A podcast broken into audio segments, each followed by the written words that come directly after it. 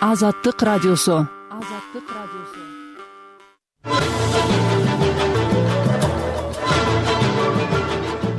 Кутман кечиңиз менен сиз тыңдап жаткан азаттык алдыдагы жарым саатта биз айтып берели деген баяндардын мазмуну. Өткөн жылы синтетикалык баңгизаттарды колдонууга байланышкан үч жүз жыйырма беш кылмыш иши катталып элүү алты адам кармалды. Алардын дээрлик баардыгы он сегиз жаштан жыйырма беш жашка чейинки улан кыздар ичинде сим карта деп мени ачтырбай адстен адске алып баргандан кийин ошол жерден милициялар кармап калып ичиндеги башкача затты алып чыгып мага көрсөтүштү. Кичине баскан турган акча табайын деп ошол ишти жасагам билсем бул нерсени жасайт да болчумун да негизи.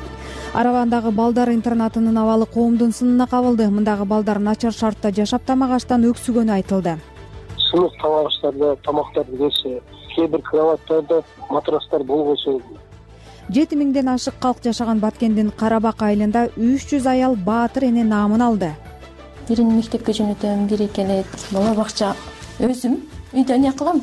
Менден алдың турат булар. Азаттыктан бүгүн биз айтып бере турчу темалар мына ушулар берүүнү үзбөй угуңуз.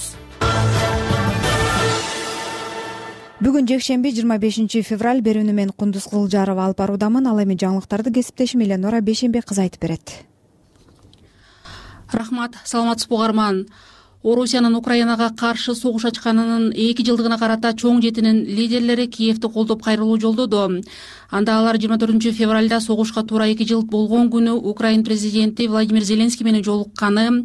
Украинаны ар тараптан чечкиндүү колдонуулу шаары жазылган. Кайрылууда украин эли эки жылдан бери орусиянын мыйзамсыз эч нерсе менен актагыс толук масштабдуу кол салуусуна каршы туруп келгени белгиленген. Ошондой эле украиналыктар орусиянын президенти владимир путиндин аскердик машинасын жеңүүгө эгемендигин жана көз карандысыздыгын сактоого аймактык бүтүндүгүн калыбына келтирүүгө эрки жетери айтылган. Чоң жетиге улуу британия германия италия канада франция жапония жана акш мүчө согуштун эки жылдыгына карата жыйырма төртүнчү февралда киевке батыш лидерлери келди. Акш менен европа биримдиги москвага каршы жаңы санкцияларды салды. Орусия украинага кеңири масштабтагы согуш ачканына туура эки жыл болду жогорку кеңештин бюджет комитети жыйырма алтынчы февралда талаштуу жалпыга маалымдоо каражаттары жөнүндө мыйзам долбоорун карайт. Аталган комитет бир апта мурда документтик кароону күн тартибинен экинчи жолу алган. Анда депутат камила талиева мыйзам долбоору тууралуу коомчулук тескери пикирде экенин айтып маданият маалымат жана жаштар саясаты министри алтынбек максутов өзү келсин деген талап койгон мыйзам долбоору он үчүнчү февралда конституциялык мыйзамдар комитетинен колдоо тапкан эмес. Юстиция министрлигинин маалыматына караганда ушул тапта кыргызстанда эки миң жети жүздөн ашык жалпыга маалымдоо каражаттары каттоодон өткөн. Сунушталып жаткан мыйзам кабыл алынса баардык медиалар кайра каттоодон өтүшү керек. Жана аны юстиция министрлиги жүргүзөт. Каттоодон өтүүдө анын каржылоо булагы так көрсөтүлүшү зарыл президент садыр жапаров документти иштеп чыгуу үчүн эки миң жыйырма экинчи жылы декабрда жумуштуу топ түзгөн. Ага президенттин администрациясынын өкүлү мурат укушев жетекчи болгон. Бирок жумушчу топтогу жарандык коомдун өкүлдөрү берген сунуштары акыркы вариантка кирбей калганын айтып садыр жапаровго кайрылышкан. Эл аралык фридом хаус уюму соңку баяндамасында кыргызстанды үчүнчү жыл катары менен эркин эмес өлкөлөрдүн катарына кошкон. Уюм өлкөдө саясий укуктар чектелип маалымат каражаттары кысымга туш болгонун белгилеген кыргыз бийлиги өлкөдө сөз эркиндиги бар экенин жана аны коргой турганын кайталап айтып келет. Орусияда түрмөдө каза болгон оппозициячыл саясатчы алексей навальныйдын апасы людмила жыйырма төртүнчү февралда уулунун сөөгүн алды. Бул тууралуу маркум саясатчынын басма сөз катчысы кира ярмыш кабарлады ал навальныйдын тажыясы тууралуу кийинчерээк маалымат болоорун билдирди. Алексейге татыктуу анын үй бүлөсү каалагандай тажыя өткөрүүгө бийлик тоскоолдук кылабы же жокпу билбейбиз. Биз маалымат болоор замат кабарлайбыз деп жазды ярмыш. Мунун алдында тергөөчүлөр навальныйдын апасын уулунун тажыясын жашыруун өткөрүүгө мажбурлап жатканы тууралуу кабарлар чыккан. Маркумдун жесири юлия навальная күйөөсүнүн өлүмүн орус президенти владимир путинден көрүп келет кырк жети жаштагы навальный он алтынчы февралда ямала ненец автоном аймагындагы түрмөдө каза болгону кабарланган. Транспорт жана коммуникациялар министри тилек текебаев оор жүк ташууда эреже мыйзамдарды бузгандарга мындан ары жаза катаалдаганын айыппулдун өлчөмү көбөйгөнүн эскертти. Ал бул тууралуу фейсбуктагы баракчасына жазып салмак көлөмдү көзөмөлдөгөн бекеттерди күтүүсүз текшергенин билдирди кыргызстандагы кан жолдордо жалпысынан салмак көлөмдү көзөмөлдөгөн жыйырмадан ашык бекет бар. Былтыркы жылдан тартып өлкөдө оор жүк ташуучу машиналарды көзөмөлдөө иши башынан аягына чейин автоматташтырылып адамдык факторду толугу менен жоюу пландалып жатканы айтылган. Мындай бекеттердин кызматкерлери коррупцияга шек саналып кармалган учурлар болгон кыргызстанда кытайдан оор жүк ташыган машиналар жолдорду бузуп жатканы буга алар ашыкча жүк жүктөп ченемдерди сактабай иштеп жүрүшкөнү айтылып келген. Аталган министрлик кыргызстанда былтыр июндан сентябрга чейин жүк ташыган машиналарга күн ысыкта жолго чыгуусуна чектөө киргизген. Президент садыр жапаров маркумду узатуу жана сөгүн жайга коюу иштерин тескерген мыйзам долбооруна кол койду. Документ былтыр жыл аягында жогорку кеңеште кабыл алынган анда маркумду акыркы сапарга узатуу сөгүн коюуну тескерген бир катар чаралар жазылган. Бул мыйзам долбоору парламентте талкууланып жатканда көрүш сааттуу ага баргандарды жол бергендерди кылмыш жоопкерчилигине тартуу маселелери дагы көтөрүлгөн. Айрыкча бишкекте жана чүй облусунун айрым жерлеринде көрүш сатууга байланыштуу бир катар чуулгандуу окуялар катталган жогорку кеңештин социалдык саясат комитети жыйырма алтынчы февралда баатыр энелерге берилген жөлөк пулдун өлчөмүн көбөйтүү каралган парламенттин токтомунун долбоорун карайт. Буга чейин депутат камила талиева көп балалуу энелерге пенсиясына кошумча беш миң сомдон төлөп турууну сунуштаган. Учурда миң сомдон гана кошулаарын айткан кыргызстанда жети же андан көп балалуу энелерге баатыр эне наамы ыйгарылат. Бир миң тогуз жүз токсон экинчи жылдан бүгүнкү күнгө чейин баатыр эне орденин алгандардын саны кырк миңге жакындады. Алардын арасында пенсия алууга укугу жок болгондуктан социалдык жөлөк пул гана алгандар бар. Эки миң жыйырма экинчи жылы жети же андан көп баласы бар тогуз жүздөн ашык эне баатыр эне ордени алты баласы бар алты жүз алтымыш беш аял эне даңкы медали менен сыйланышкан. Соңку кабарлар топтому менен эленора бейшенбек кызы болду микрофондо эки миң жыйырма үчүнчү жылы синтетикалык баңгизаттарды колдонууга байланышкан төрт жүз жыйырма беш кылмыш иши катталган. Кармалган элүү алты адамдын дээрлик баардыгы он сегиз жаштан жыйырма беш жашка чейинки балдар. Синтетикалык баңгизат сатууга тартылган балдар барган сайын көбөйүп бара жатканына адистер кооптонуп жатат. Ички иштер министрлиги болсо байма бай рейдтик иш чараларын өткөрүп өткөн жылы жүз элүү килограмм синтетикалык баңгизат алынганын жарыялады ички иштер министрлигине караштуу баңгизаттарды мыйзамсыз жүгүртүүгө каршы күрөшүү кызматынын уюштуруу жана талдоо башкармалыгынын башчысы марсель дөөталиевдин билдиришинче баңгизатты белгиленген жерге коюп кетүүгө шектелип кармалгандардын саны эки миң жыйырма үчүнчү жылы элүү алты адамга жеткен. Анын экөө өспүрүм калганы он сегиз жаштан жыйырма беш жашка чейинки балдар. Синтетикалык баңгизаттар негизинен биздин өлкөгө кытай иран ооганстан сыяктуу мамлекеттерден кирет. Айрым учурларда орусиядан же казакстандан ташылат. Алар эл керектөөчү товарлар катары киргизилет. Акыркы учурларда ар кандай электр кыймылдаткычтардын ичин алып салып ага синтетикалык баңгизатты салып коюу жана почта аркылуу алып келүү адатка айланган көрүнүш болуп калды. Деп айтты дөөталиев дөөталиев кошумчалагандай дары дармектин бул түрүн сатуунун рентабелдүүлүгүн кирешелүүлүгүн жана аларды өндүрүүнүн жеңилдигин эске алуу менен өлкөдө дары дармек лабораториялары көбүрөөк ачылып жатат. Алсак эки миң жыйырма биринчи жылы бир жыйырма экинчи жылы жети ал эми эки миң жыйырма үчүнчү жылы төрт лаборатория ачылган. Эки миң жыйырма эки миң жыйырма биринчи жылдары синтетикалык баңгизаттан жыйырма сегиз килограмм жыйырма экинчи жылы сексен тогуз ал эми жыйырма үчүнчү жылы жүз элүү килограмм алынган. Мындай дары дармекти таратуучулардын башында кыргызстандан башка өлкөдө отурган дилерлер турары да айтылды синтетикалык дарылар көбүнчө социалдык тармактар телеграмдагы тайпалар аркылуу онлайн сатылат. Мындай учурда кардар баңгизатты кимден алып жатканын билбейт. Ал эми акчасын криптовалюта аркылуу которуп коет. Синтетикалык дарыны сатууга аралашып калган саматты укук коргоо органдарынын кызматкерлери жыйырма үчүнчү жылдын жаз айларында кармаган. Телеграм аркылуу бир күндүк жумуш таап ал үчүн алты жүз сом эмгек акы алары айтылган он алты жаштагы студент үчүн бул жакшы эле каражат болгонун айтат. Саматка анча чоң эмес баштыкты бишкектен алып кант шаарына жеткирип бересиң деп гана айтылган. Өспүрүм баштыктын ичинде синтетикалык баңгизат болуп калаары тууралуу ою да болбогонун айтууда. Соңку бир жылдан бери ал улам бир сот отурумдарына каттап акталып кетсем экен деген тилек менен жашап жатат. Телеграмдан работа бишкек деген сайтка кирип курьер болуп ошо сурангандан адрес жиберген. Оюндун ылдый жагына бир адрес жиберип мына ошол адрес аркылуу барсам маган бир сүрөттөрдү картадан геолокация жиберип ошол сүрөт менен таап ошол нерсени ичинде сим карта деп мени ачтырбай адрестен адреске алып баргандан кийин ошол жерден милициялар кармап калып ичиндеги башкача затты алып чыгып мага көрсөтүштү. Кичине баскан турганга акча табайын деп ошол ишти жасагам бул нерсени мен билген эмесмин. Билсем бул нерсени жасайт да болчумун да негизи. Кант шаардык соту студентти күнөөсүз деп таап жоопкерчилик бошоткону менен прокуратура чечимге каршы чүй облустук сотуна даттанып азыр саматтын иши кайрадан каралууда.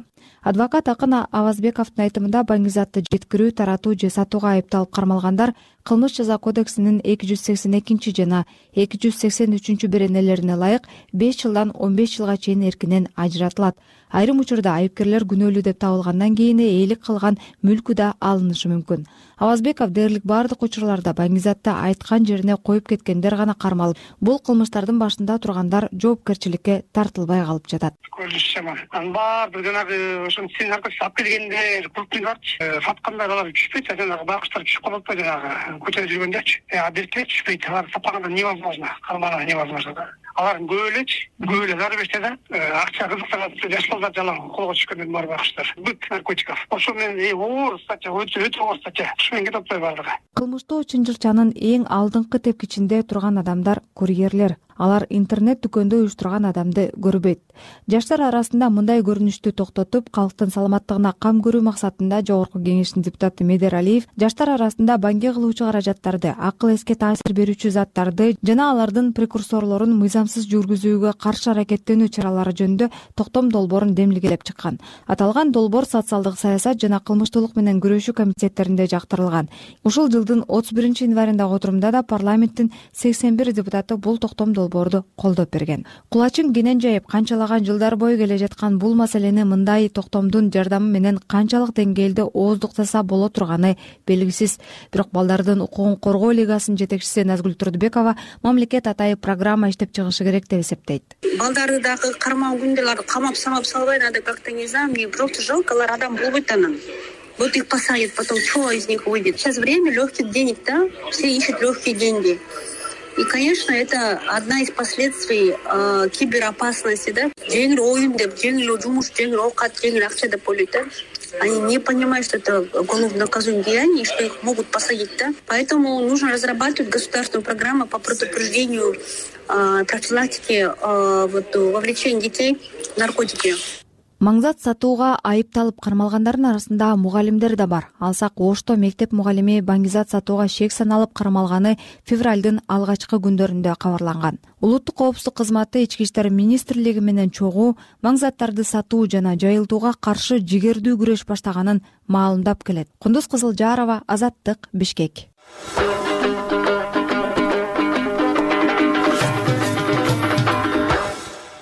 жыйырма бешинчи февралга караган түнү артиллериялык аткылоонун натыйжасында украин бийлигинин маалыматы боюнча эки жай тургун набыт болуп константиновкадагы чабуулда темир жол бекети талкаланды орусиянын украинага каршы согуш ачканынын эки жылдыгына карата чоң жетинин лидерлери киевти колдоп кайрылуу жолдоду. Жыйырма төртүнчү февралда киевке еврокомиссиянын төрайымы урсула фон дер ляйн баштаган батыш лидерлери келген.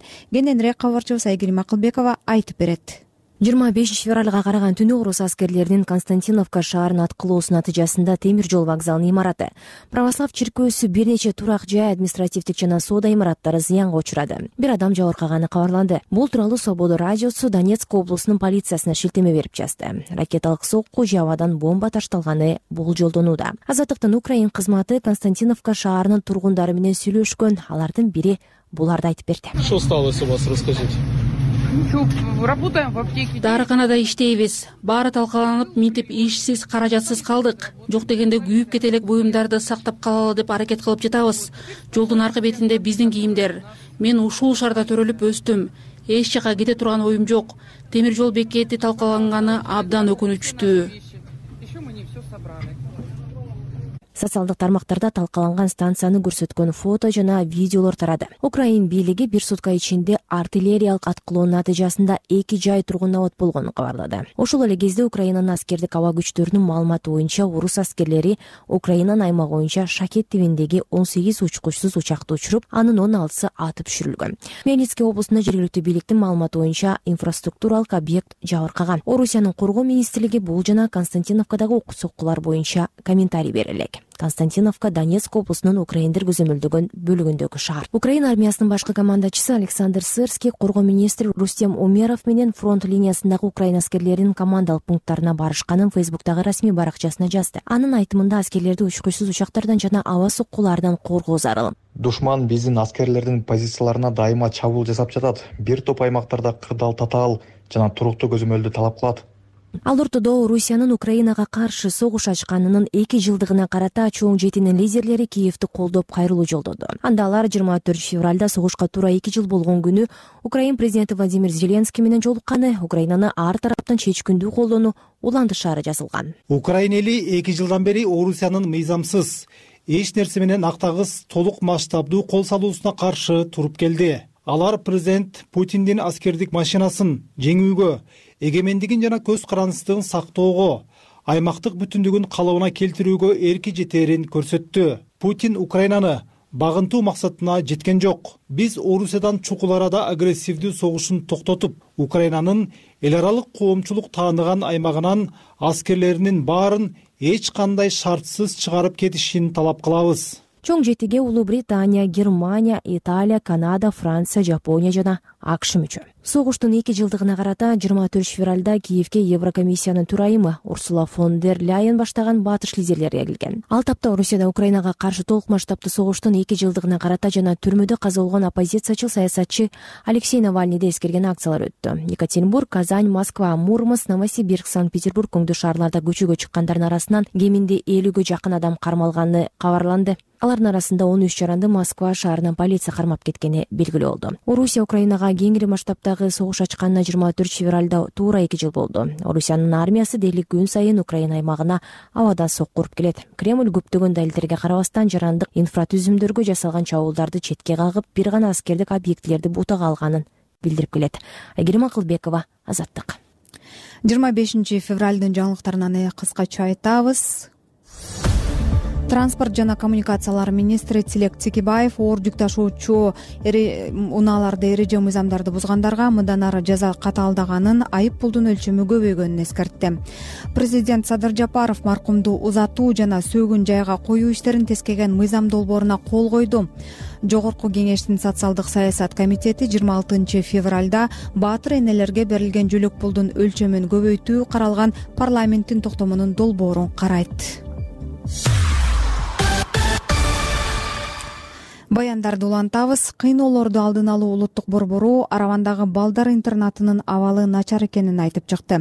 Мектеп интернатында даараткана бөлмө дары дармектер боюнча дагы талаптар бузулганы балдарга тиешелүү шарттар түзүлбөгөнү идиш аяктардын эскилиги жетип айрым тамак аштын мөөнөтү өтүп кеткендиги белгилүү болгон.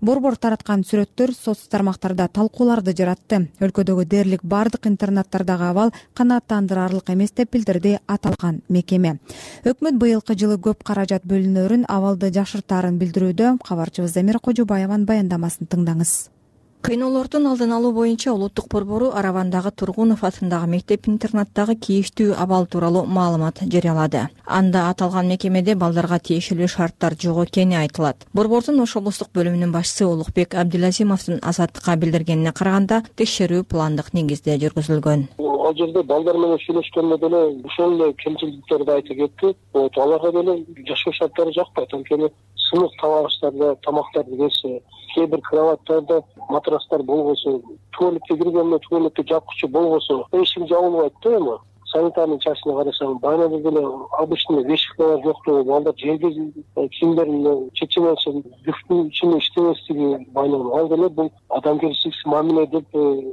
айтсак болот да бул нерселерди кайдыгер караганда деп айтсак болот. Тамак аштардын мөөнөттөрүнө караганда тамак аштар жерде жатышат интернаттын жетекчилиги мүчүлүштүктөрдү бир жумада жоюуга убада берген укук коргоочунун айтымында тилекке каршы мындай кейиштүү көрүнүштөр бир гана араванда эмес. Ош шаарындагы ош облусундагы башка социалдык мекемелерде дагы кездешет билим берүү жана илим министринин орун басары гүлшан абдылдаева араван районундагы мектеп интернаттын абалы боюнча териштирүү жүрүп жатканын азаттыкка билдирди. Национальный центр пыток деген тартып келген боюнча мына бүгүнкү күндө биз азыр райондук билим берүү тарабынан дагы түшүнүк каттарды жергиликтүү бийликтер менен биргеликте ошол карап атабыз. Бул эскилерин деп айтышып атат. Булар өздөрү жагынан жакшыларын көргөзүп атат. Тиги тарап мындай обратный сторонасын көргүзүп атат. Ошондуктан мыйзамдуу чегинде биз булардын баарына тең азыр өзүбүздүн анализибиздин негизинде анализдеп бул иш чаралардын баарын тең ошо мыйзамдын негизинде жөнгө салабыз. Тургунов атындагы мектеп интернат муниципалдык каржылоодо турган мектептердин бири. Андагы балдардын тамак ашы ата энелеринен чогуу каржыланат. Ал эми керектөөлөрү жергиликтүү бийликтин мойнунда деди министрдин орун басары кыргызстанда мамлекеттен толук каржыланган беш жатак мектеп бар. Бул мекемелерде томолой жетим жана ата энесин кароосуз калган балдар тарбияланышат. Бул мектептерге балдар сот чечими менен кабыл алынат учурда мындай балдар үйлөрүндө төрт жүз алтымыш үч бала тарбияланууда. Ошондой эле мүмкүнчүлүгү чектелген балдар үчүн он төрт мектеп интернат дагы мамлекеттик бюджеттен каржыланат. Балдардын күнүмдүк тамак ашына жаңы жылдан тартып эки жүз жыйырма сомдон төлөнүүдө ошондой эле отуз беш жалпы билим берүүчү жатак мектептер мектеп гимназиялар лицейлер көркөм өнөр мектеп интернаттары дагы бар. Бул мектептерге балдар ата энесинин арызы менен кабыл алынат. Балдардын күнүмдүк тамагына мамлекеттик бюджеттен токсон сом бөлүнөт. Калганын ата энелер кошумча каржылашат. Чарбасын жүргүзүүнү жергиликтүү бийлик каржылайт кыйноолордун алдын алуу борбору. Акыркы үч жылдан бери социалдык мекемелердин абалы. Ал жактагы жашаган адамдарга жасалган мамиле жана башкаларга көзөмөл кылып келет. Маалыматка ылайык негизинен өлкөдөгү баардык социалдык интернаттарга мамлекет тарабынан тиешелүү өлчөмдө көңүл бурулбай келген. Көпчүлүк имараттардын эскилиги жетип капиталдык ремонтко муктаж. Кыйноолордун алдын алуу борборунун жетекчиси бакыт рысбековдун азаттыкка билдиргенине караганда социалдык мекемелердеги талаптарга жооп бербеген шарттар андагы адамдардын укугун тебелүү ырайымсыз катаал мамиле жасоо болуп эсептелет. Бул ырайымсыз катаал же болбосо кадыр башты бастырлаган адамгерчиликсиз мамиле. Азыр бийлик тарабынан бул объектилерге дагы көңүл бурулуп атат ошол учурда бурулган көңүл берилген каражат канчалык деңгээлде максаттуу кетип атат. Ал дагы коомчулуктун дагы бийликтин өзүнүн кызыкчылыгы. А биз болсо ошонун максаттуу жетип аткан жетпегендигинин дагы бир э, индикатору көрсөткүчү катары э, иш алып барып атабыз да эмгек социалдык камсыздоо жана миграция министрлигинин маалыматында кыргызстандагы интернат тибиндеги социалдык мекемелерде тогуз миң тогуз жүз жетимиш үч бала бар. Бул балдар жалпы жүз отуз жети интернат тибиндеги социалдык мекемелерде тарбияланышат. Мектеп интернаттардын алтымыш тогузу мамлекеттик он жетиси муниципалдык отуз тогузу жеке жана он эки диний мекемелер. Буларда тарбияланып жаткан балдардын беш пайызынын гана ата энеси жок. Министрликтин маалымдашынча кыргызстанда акыркы он жыл ичинде балдардын интернаттык мекемелердин саны жүз он жетиден жүз отуз жетиге жетти эмгек социалдык камсыздоо жана миграция министрлигинен өлкөдөгү мектеп интернаттардын абалы тууралуу маалымат алууга мүмкүн болгон жок. Министрликтин басма сөз кызматы жооп берүү үчүн атайын мөөнөт сурады. Жыйырма экинчи февраль күнү улуттук коопсуздук боюнча мамлекеттик комитети аталган министрликтин жетекчисинин орун басары кармалганын билдирди. Ал мамлекеттик сатып алуулар аркылуу акча каражаттарын мыйзамсыз пайдалануу схемасына аралашууга шек саналып кармалганы кабарланды. Эмгек социалдык камсыздоо жана миграция министрлиги бул боюнча дагы комментарий бере элек. Замира кожобаева азаттык бишкек. Сергек жашоо сергек жашоо ден соолук улуттук саламаттык интернетте эң көп окулган темалардын сап башында. Баарыбызды медицинадагы илимий ачылыштар дарылоонун жаңы ыкмалары канткенде оору сыркоону алдын алып жашоонун сапатын жакшырта алабыз деген маселе ойлондурат. Дал ушул темаларды азаттыктын сергек жашоо подкастынан уга аласыз подкастты apple google spotify аянтчаларынан жана азаттык чекит орг сайтынан табасыз. Сергек жашоо эми аймактан келген баянга көңүлүңүздү бурабыз жети миңден ашык калк жашаган баткендин кара бак айылында үч жүз аял баатыр эне наамын алган ошол эле маалда эне даңкы төш белгиси менен сыйлангандар да көп. Кыргызстанда жети жана андан көп балалуу энелерге баатыр эне наамы ыйгарылат. Бул наамды өлкө боюнча ушул күнгө чейин кырк миң эне алган. Баткендеги кабарчыбыз жеңиш айдаров баатыр энелер жашаган кара бактагы көп балалуу эненин турмушун көрүп келди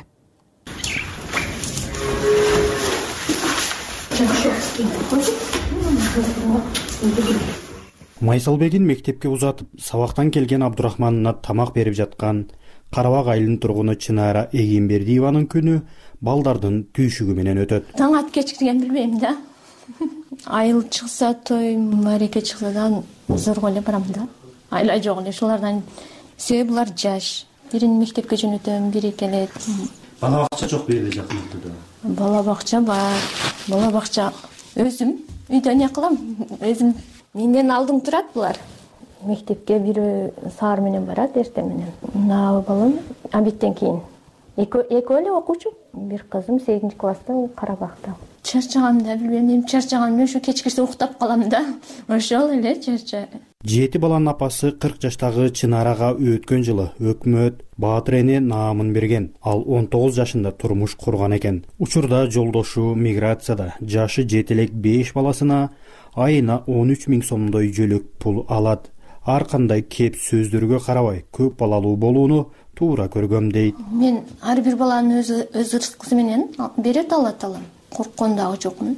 Кайтип сүйүнүп көп адам айтат эмне кыласың көп адам алдыр эмне кыласың өзүңдүн жаныңды ойлобойсуңбу деген адамдар болду. Сага ден соолук керекпи деп сүйлөгөндөр бар эми. Сыноо да. Ар ким ар кандай деп сүйлөй берет. Каным аз. Давлениям да паст жагы да жүрөт. Нормальный эле. Э, витаминдүү нерселердин жеп коюп эле. Уколдарга бергенден көрө ошо витаминдүү нерселер салат палат салаттарды жасап жеп балдарга да натуральный тамак аш жедиргенге аракет кылам. Азыр эчки алып койгонбуз саан эчки алып койдук. Ушу ден соолукка эң бир күчтүү эненин сүтүдөн кийинки эле эчкинин сүтү эң пайдалуу экен деп эчки алдырдык. Нанды дагы дрожь колдонбойм камыр туруш ачыткы өзүм. Карабак баатыр энелердин айылы десе болот. Баткен облусу боюнча жалпы төрт миңдей баатыр эне болсо анын үч жүздөйү ушул айылдан. Чек ара тилкесинде болгондуктан айылга өзгөчө макам берилген. Бул макамдын шартына ылайык ар бир бала үчүн жөлөк пулуна айына миң сомдон кошумча каражат берилип мүмкүнчүлүккө жараша колдоолор болуп турат дейт. Карабак айыл аймагынын социалдык адиси шамшидин жарматов. Бир жүз жети эне даңк орденин алгандар бар эки жүз токсон беш баатыр энелер бар. Ушул баатыр энелерге негизи пенсия жашындагыларга миң сомдон ушул пенсиясына кошумчасы бар. Негизинен бизде ушул айыл өкмөт боюнча э, баатыр энелердин санында эне даңк алган район боюнча ушул биздин айыл өкмөт бүгүнкү күндө алдыда турат. Колдоолор бар. Э, баатыр энелерге э, бюджетке байланыштуу ушул эгерде болсо кыш күз айларына э, көмүр менен камсыз кылабыз деген ойлор бар. Айылда түйшүк көп өзгөчө көп балалуу бүлөлөрдө аялдар кээ элден кечке жаны тынбайт. Балдардын ар биринин чоң жоопкерчилиги бар ден соолугунан тартып татыктуу тарбия билим берүү оңой жумуш эмес. Чынара сыяктуу бүт өмүрүн балдарга алардын келечегине арнаган энелерди азыркы заманда ар бир эле шаар кыштактан жолуктуруу кыйын. Кыргыз бүлөлөрүндө мурда он он төрт балалуу болгондор чоң деле жаңылык саналчу эмес. Акыркы жылдары жаштардын көбү үй бүлөнү пландай баштады. Чынара таң менен кошо туруп элден кеч жатат өмүр өтүп жатканын балдардын эр жетип жатканынан эле биле алам дейт. Ошо нан жабам кир жуам ошол таң атып кеч кирген билбейм. Ошо балдар. Канча күндө бир нан жабат эки тандырды жабам. Бир аптага бир жумага жетет да отуз отуз эки кылып. Кыргызстанда жети же андан көп балалууларга баатыр эне. Алты баланын энесине эне даңкы медалы ыйгарылат баатыр энелерге пенсия жашында болсо гана миң сомдон кошумча каражат берилет. Андан башка мамлекеттен жардам жеңилдиктер каралган эмес. Жеңиш айдаров азаттык. Баткен. Азаттык чекит орг. Окуңуз угуңуз жана көрүңүз. Азаттык чекит орг күн сайын азаттык чекит орг сайтында жаңылыктарды макала баяндарды интервью жана талдоолорду сунуштайбыз. Андан тышкары видео программаларды радионун архивин жана кызыктуу сүрөт баяндарды табасыз. Эгер сизге орусча окуган ыңгайлуу болсо анда рус чекит азаттык чекит орг сайтына баш багыңыз коомчулукка айтайын деген өзгөчө пикириңиз барбы? Блог жазыңыз. Биз аны окурманга жеткиребиз. Ошондой эле социалдык түйүндөрдөгү баракчаларыбызга жазылганды. Башкаларга бөлүшкөндү унутпаңыз. Кыргызстандагы жана дүйнөдөгү окуяларга биз менен бирге назар салыңыз. Окуңуз угуңуз жана көрүңүз. Азаттык чекит орг кадырман угарман сизди жогоруда айтылгандай эле азаттыктын сайтына баш багууга чакырам. Сайтыбызда экономика саясат социалдык темаларда кеңири жазылган макалалар бар. Ошондой эле эксперттер талдайт арай көз чара сыябан биз жана дүйнө өңдүү программаларыбыздын видео варианты да жайгаштырылган. Эгер сиздин убактыңыз чектелүү болуп азаттыктын расмий баракчасына кире албай жаткан болсоңуз app store play markеттен азаттык уналгыс деп тиркемебизди көчүрүп алсаңыз болот. Google play spotify аянтчаларынан болсо подкасттарыбызды угуңуз. Ушуну менен биз жыйырма бешинчи февралдагы уктурууларыбыздын биринчи бөлүгүн жыйынтыктайбыз. Аны алып барган мен кундуз кызылжарова болдум. Саламатта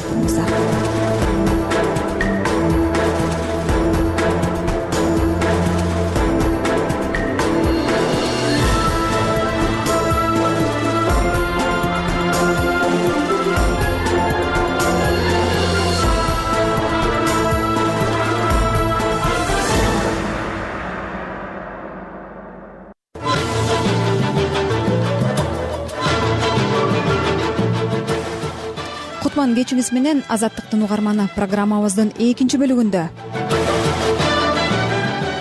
Быйыл эки айда төрт эне төрөттөн ажал таап он төрт бала энесиз калды. Бул адам өмүрү кымбат да баардык нерседен кымбат. Ошону внимательный болуп мындай жоопкерчилик менен карасын да ошол эле. Колу бутунан ажырагандарга ысык менен суукту ажырата билүү мүмкүнчүлүгүн берген термопротез чыкты биз жылуулукту табигый сездире турган жабдуулар орнотулган протезди иштеп чыктык. Эми колунан ажыраган адамдар бул протез аркылуу баарын биздей эле сезип калышат. Алдыдагы жарым саатта ушул темаларга кеңири токтолобуз азаттык менен болуңуз. Алгач жаңылыктар топтому эленора бейшенбек кызынан рахмат саламатсызбы угарман орусиянын украинага каршы согуш ачканынын эки жылдыгына карата чоң жетинин лидерлери киевти колдоп кайрылуу жолдоду анда алар жыйырма төртүнчү февралда согушка туура эки жыл болгон күнү украин президенти владимир зеленский менен жолукканы. Украинаны ар тараптан чечкиндүү колдонуу улантышаары жазылган.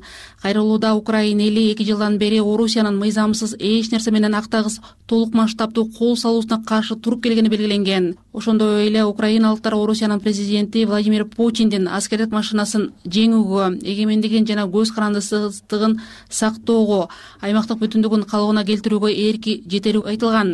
Чоң жетиге улуу британия германия италия канада франция жапония жана акш мүчө согуштун эки жылдыгына карата жыйырма төртүнчү февралда киевке батыш лидерлери келди. Акш менен европа биримдиги москвага каршы жаңы санкцияларды салды. Орусия украинага кеңири масштабтагы согуш ачканына туура эки жыл болду жогорку кеңештин бюджет комитети жыйырма алтынчы февралда талаштуу жалпыга маалымдоо каражаттары жөнүндө мыйзам долбоорун карайт. Аталган комитет бир апта мурда документтик кароону күн тартибинен экинчи жолу алган анда депутат камила талиева мыйзам долбоору тууралуу коомчулук тескери пикирде экенин айтып маданият маалымат жана жаштар саясаты министри алтынбек максутов өзү келсин деген талап койгон. Мыйзам долбоору он үчүнчү февралда конституциялык мыйзамдар комитетинен колдоо тапкан эмес. Юстиция министрлигинин маалыматына караганда ушул тапта кыргызстанда эки миң жети жүздөн ашык жалпыга маалымдоо каражаттары каттоодон өткөн сунушталып жаткан мыйзам кабыл алынса баардык медиалар кайра каттоодон өтүшү керек. Жана аны юстиция министрлиги жүргүзөт. Каттоодон өтүүдө анын каржылоо булагы так көрсөтүлүшү зарыл. Президент садыр жапаров документти иштеп чыгуу үчүн эки миң жыйырма экинчи жылы декабрда жумуштуу топ түзгөн. Ага президенттин администрациясынын өкүлү мурат укушев жетекчи болгон бирок жумушчу топтогу жарандык коомдун өкүлдөрү берген сунуштары акыркы вариантка кирбей калганын айтып садыр жапаровго кайрылышкан. Эл аралык фридом хаус уюму соңку баяндамасында кыргызстанды үчүнчү жыл катары менен эркин эмес өлкөлөрдүн катарына кошкон.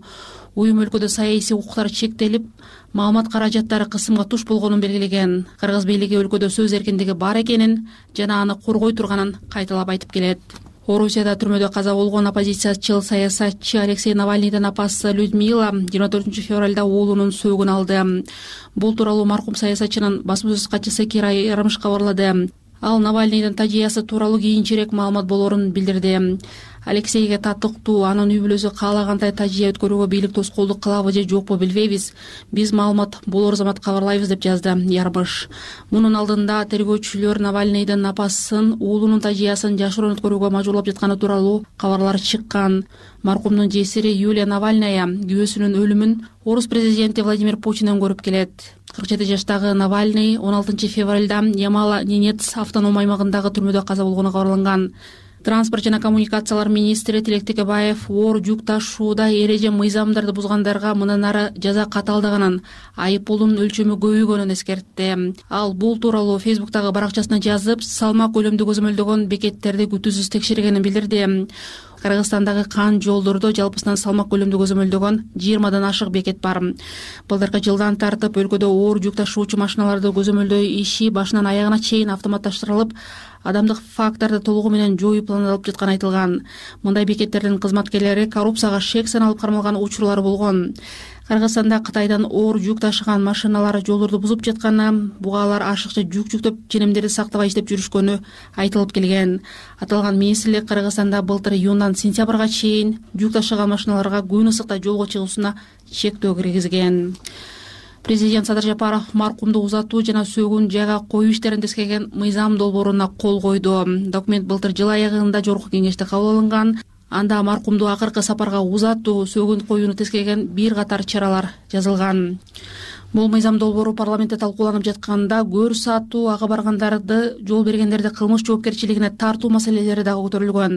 Айрыкча бишкекте жана чүй облусунун айрым жерлеринде көрү сатууга байланыштуу бир катар чуулгандуу окуялар катталган жогорку кеңештин социалдык саясат комитети жыйырма алтынчы февралда баатыр энелерге берилген жөлөк пулдун өлчөмүн көбөйтүү каралган парламенттин токтомунун долбоорун карайт.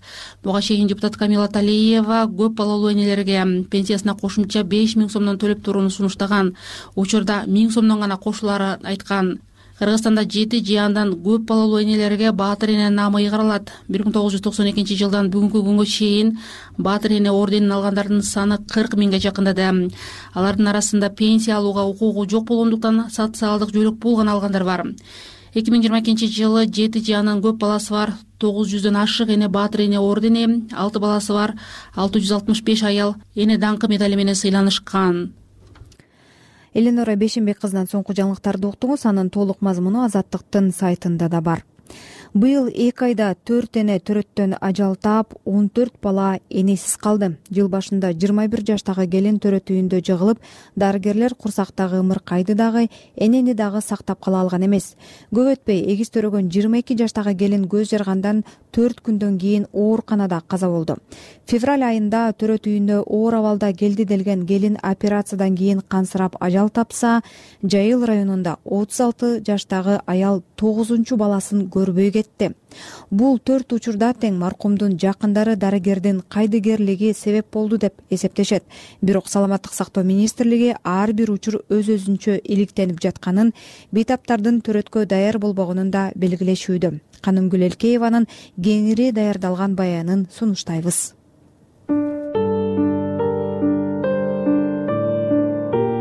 Бежал өлүп калды кызым бирок.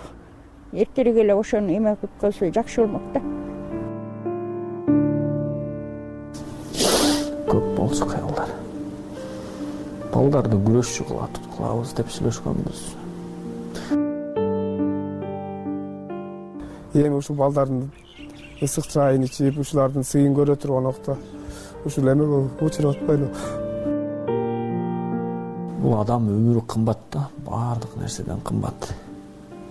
Ошол ну внимательный болуп мындай жоопкерчилик менен карасын да ошол эле дарыгерлер менен сүйлөшчү кыйналып кеттим.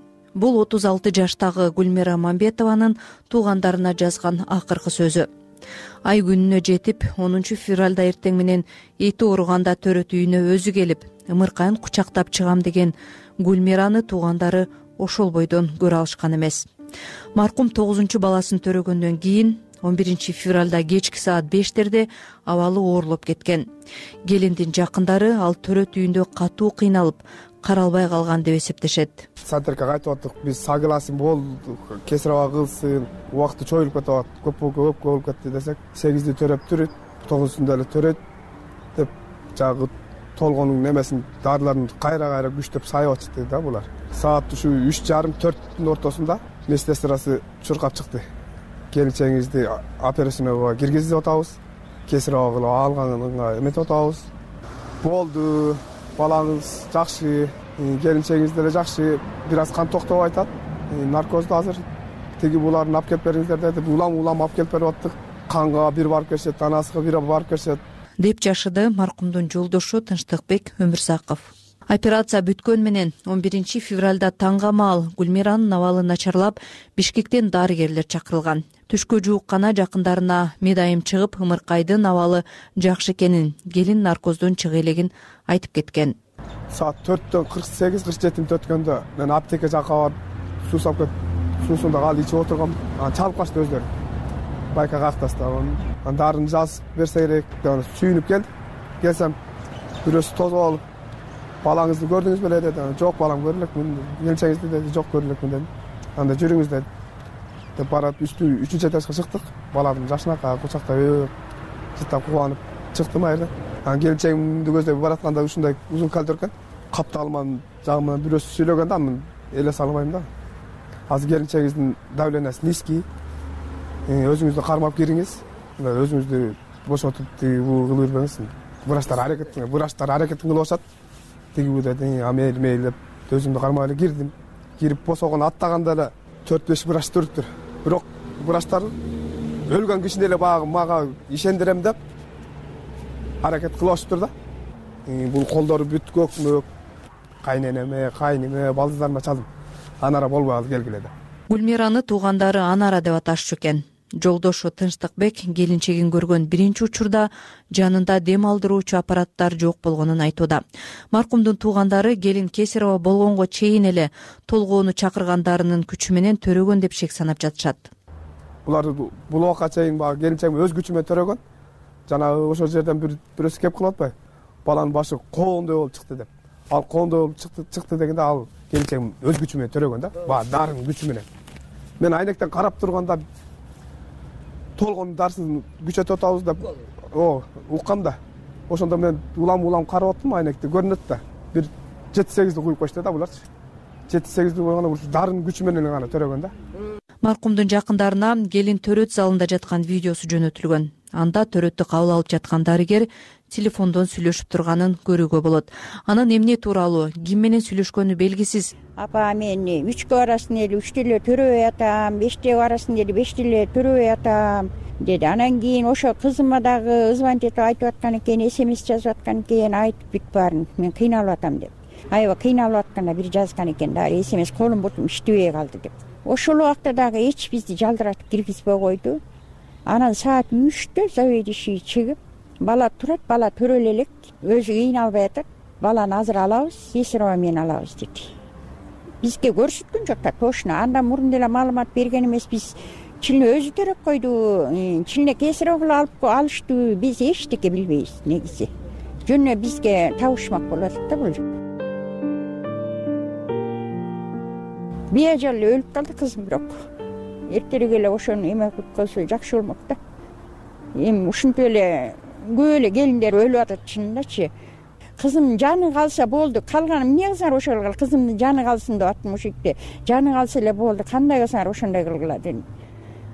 Кандай кылып жашайм кандай болуп оокат кылам кандай кылып унутам муну кантип бассам өзүмчө эле ээн жерге узун жолго түшүп эле басып кетким келет деп билдирди маркумдун апасы гүлнара мамбетова. Гүлмиранын өлүмүнөн кийин саламаттык сактоо министрлиги атайын комиссия түзүп жайыл аймактык ооруканасында уюштуруу иштери талапка ылайык жүрбөгөнүн аныктаган. Натыйжада оорукананын башкы дарыгери анын орун басары жана төрөт бөлүмүнүн башчысы башкы медайым жумуштан алынды. Азаттык мекеменин тийиштүү адисине келинге убагында операция жасалып аман алып калса болот беле деген суроо узатты. Бул жакта тогузунчу төрөт тогузунчу кош бойлуу тогузунчу төрөт болгондон биз дагы коюп атабыз ошол маселени. Эмне себептен убагында ким билет бирок активдүү фаза менен келгенде төрөт жакшы эле болуп аткан. Анан кийин мезгил келгенде бизде осложнение болуп калды. Бирок бияктан мен дагы ойлойм следственный органдар өздөрүнүн иштерин алып барса юридикалык баа берсе биз дагы ошол чараны колдонобуз. Уюштуруу иштери э, так аткарылбагандыгынан биз административ администрациясына чара көрдүк.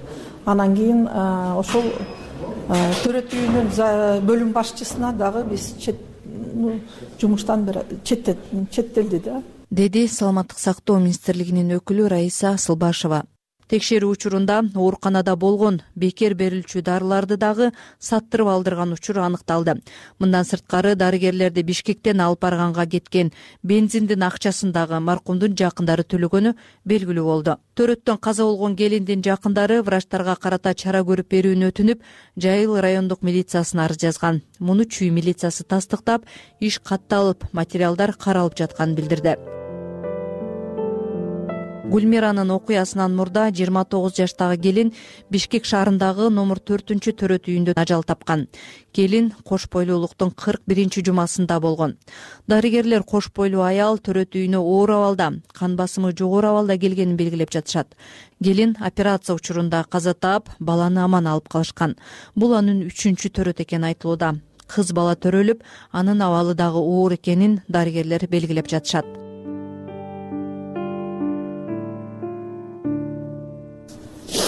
көп болчу кыялдар. Балдарды күрөшчү кылат кылабыз деп сүйлөшкөнбүз.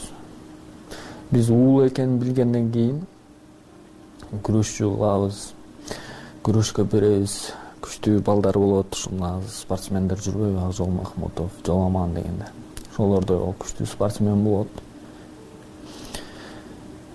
Мен аларды коштоп барам деп ушундай эме кылып атканбыз да жыйырма эки жаштагы мээримай ташболотова он биринчи январь күнү кош бойлуулуктун отуз төртүнчү жумасында өзү көрүнүп жүргөн гинекологдун сунушу менен номер экинчи төрөт үйүнө келип ошол жерден дароо эле жаткырылган. Ага преэкламсия же зарадан белоктун чыгышы кан басымынын жогору болушу себеп болгону айтылууда. Бул анын биринчи төрөтү эле. Саламаттык сактоо министрлигинин маалыматына караганда абалы оорлоп баратканына байланыштуу келинге кесарево операциясы жасалган жубайлар эгиз уулдуу болушкан. Төрөттүн төртүнчү күнү дегенде мээримайдын абалы начарлап дарыгерлер жаш энени сактап кала алышкан эмес. Андан кесарево болуп бүткөндөн кийин өзүн жакшы сезип атты. Ошол акыркы күнү ошол өлө турган күнү кечинdeси примерно саат алтыларда даже бештерде мага бир дары жиберген. Мен дарыны таппай койгом анан издеп таппай. Заменительный тартып сүрөткө тартып жибердим. Ушул бар экен врачтан сурап көрчү. Может ушул боло береттир башка жерде эч такыр жок экен деп айттым. Анан айтсам врач жок деп жазды мага врач жок бүгүн келген эмес окшойт воскресенье болчу а мен эч кандай жаман ойдо болгон жокмун макул анда деп эле эме кылып көңүл деле бурбапмын врач дежурный врач айтып атат менин жанымда болчумун дейт.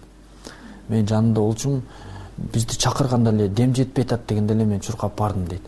Бирок ал эч кандай доказательство жок что чындап жанында болгону деди мээримай ташболотованын жолдошу тыныбек керимбай уулу эгиздердин энеси эмне себептен деп сурап атпайсызбы? Биринчиден ал көзөмөлдө турган кош бойлуу ошол төрөт үйүнө келгенде төрөтү дагы мындай баары жакшы болду. Бирок төрөттөн кийин болуп атат бул учур. Төрөттөн кийин үчүнчү төртүнчү суткага кеткенде операционный периоддон кийин бул учур катталып атат аяктан деле биз вскрытиянын заключениясын күтүп атабыз.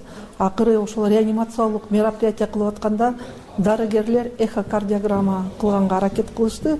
Ошол жактан ошол жүрөгүнөн дагы порог тапты. Может быть ал кош бойлуу ошол жараны өзүнүн оорусун билчү эмес деди саламаттык сактоо министрлигинин өкүлү раиса асылбашева. Биз оор акыбалда жатканда аппаратта жатканда сосудистый хирургдордун доплер сосудов чакырттык анан эхо жасадык жүрөгү жүрөгүндө чындыгында изменениялар бар экен. Өзүнүн оору табылып чыкты да жүрөктөн. Кардиомиопатия недостаточность митрального клапана деп эходон табылды. Преэкламсиянын оор даражасы болсо ошол кошумча нагрузка болду да бул мээримайдын денесине организмине бул преэкламсиянын оор даражасы даже кырк күндөн кийин да кармайт. Иногда энелердин өлүмүнө алып келет мээсине кан куюлуп кетиши мүмкүн. Бирок тилекке каршы биз мээримайдын аракет кылганыбыз тилекке кетти мээримайды сактап кала алган жокпуз. Дейт экинчи төрөт үйүнүн башкы дарыгеринин милдетин аткарып жаткан рыскүл асакеева. Жана поликлиникада айтып атпайбы баардыгын текшеребиз баардык ден соолугун карайбыз. Экг ошонусун текшердик дейт жакшы болчу дейт. Ошону да менин оюмча ошолорду да текшериш керек. Ошол ошол жакта экг алган врачтарды да. Баягы врач айтып аткан врач менин жанымда болгон врачтын доказательствосун ушу эме кылыш керек да көрсөтүш керек. Ал действительно мен ушул жерде болгом чуркап баргам может камераданбы кандай жол менен болсо дагычы мен ошол врачтардан эле көрүп калдым жанында болгон эмес депчи жубайлар былтыр май айында баш кошкон. Бул убакыт аралыгында ден соолугуна арызданган учур болгон эмес дейт жолдошу. Анын жүрөк оорусу бар экени кош бойлуу кезинде дарыгерге көрүнгөн учурда дагы айтылган эмес. Мен иликтөөм акыр аягына чыгабы чыкпайбы билбейм. Просто ошо жаңы үйлөнгөндөргө жакшы сабак болсун деп эле. Ушинтип мага ошо ыйлап эме болуп калбасын деп эле чыгып атам дагы. Жаштар жаштык кылып эме кылып калбасын депчи. Өкүнүп калбасын депчи. Бул адамдын өмүрү кымбат да баардык нерседен кымбат. Ошону внимательный болуп мындай жоопкерчилик менен карасын да ошол эле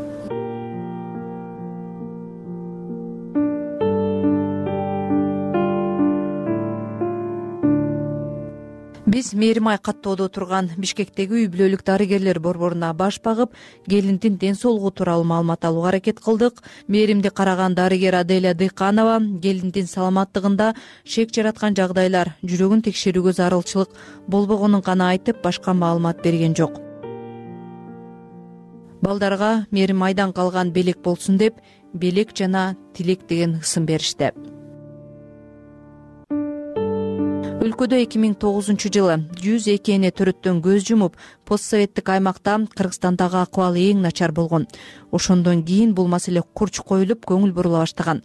Андан бери энелердин өлүмүнүн саны салыштырмалуу азайды бирок жыл башынан бери удаа катталган кайгылуу окуя кайрадан бул көйгөйдү козгоду. Канымгүл элкеева азаттык бишкек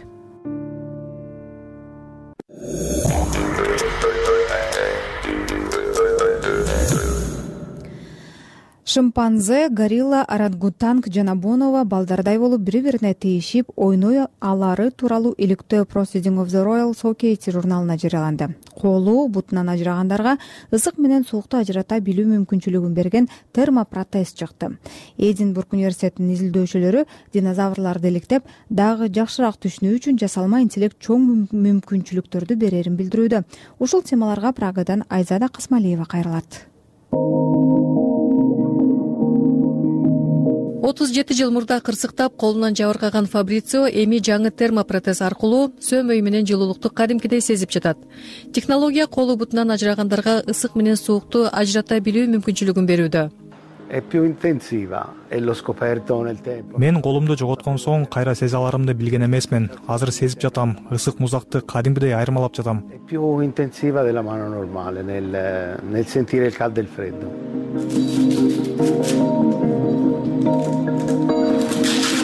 изилдөөчүлөр минитач деп аталган бул технологиянын артыкчылыгы мындан дагы көп экенин белгилешет.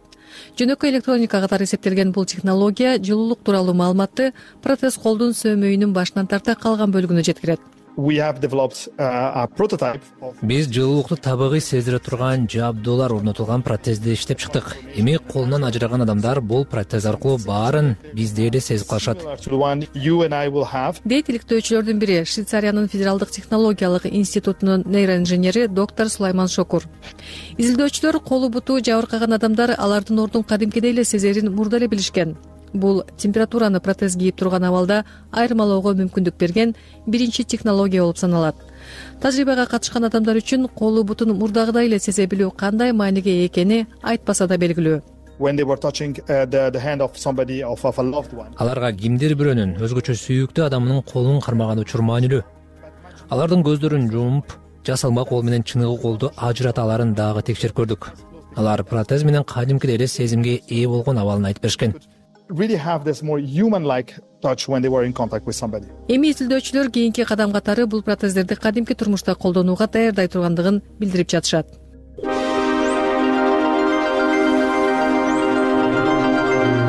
Шотландиянын эдинбург университетинин палеонтологу стив брусати динозаврларды иликтеп дагы жакшыраак түшүнүү үчүн жасалма интеллект чоң мүмкүнчүлүктөрдү берерин билдирүүдө жасалма интеллект азыр биздин жашообуздун көпчүлүк тармактарында популярдуу болуп жатат. Ал палеонтологияда дагы кийинки чоң кадам болот. Биз динозаврлардын эволюциясынын негизги мыйзам ченемдүүлүгүн убакыттын өтүшү менен алардын кантип өзгөргөнүн жердин кантип өзгөргөнүн түшүнгүбүз келет. Демек биз жасалма интеллекттин ыкмаларын пайдаланып ири маалымат базасын анализдеп чыныгы баалуу жана маанилүү маалыматтарга ээ боло алабыз эки жүз жыл мурда алгачкы динозаврга ат коюлгандан бери илим өнүгүп бул жаныбарлардын сырткы көрүнүшү. Жашоосу өнүгүшү жана жок болуп кетүү себептери иликтенип келе жатат.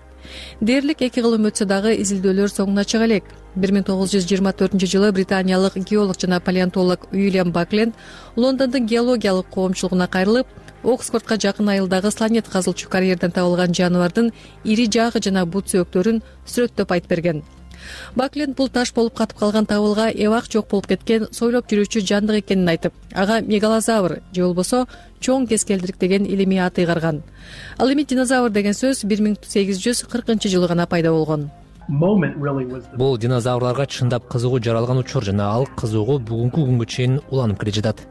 дейт эдинбург университетинин палеонтологу стив прусатти бир миң тогуз жүз алтымышынчы жылдары эт жеген чакан динонек деп аталган динозаврдын аныкталышы илимде жаңылык жаратып динозаврдын кайра жаралуу доору деп аталган изилдөөлөрдүн башатын шарттаган.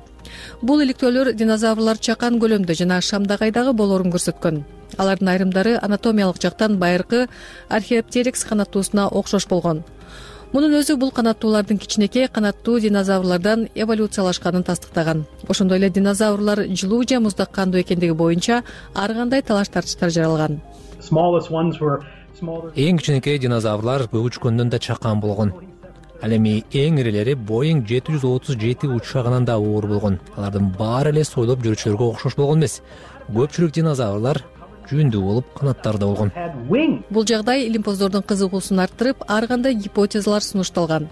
Бир миң тогуз жүз сексенинчи жылы изилдөөчүлөр динозавр доорунун соңундагы жер катмарын аныкташкан анда метеориттерде кеңири таралган иридийдин жогорку концентрациясы болгон жана бул нерсе ири космостук таш жер менен кагылышканынан кабар берген мексикадагы чискулуп кратери астероиддин кулаган жери катары мүнөздөлүп ал жердеги жандыктардын төрттөн үч бөлүгүн анын ичинде динозаврларды жок кылганы аныкталган. Азыр динозаврлардын эки миңден ашык түрү белгилүү. Алардын калдыктары кытай аргентина бразилия түштүк африка жана монголиядан табылып келе жатат. Палеонтологдор табылгалардын баш сөөктөрүн томографияга салып динозаврлардын мээсинин жана кулагынын санарип моделин түзүп алардын көрүү угуу жыт сезими тууралуу терең маалыматтарга ээ болушкан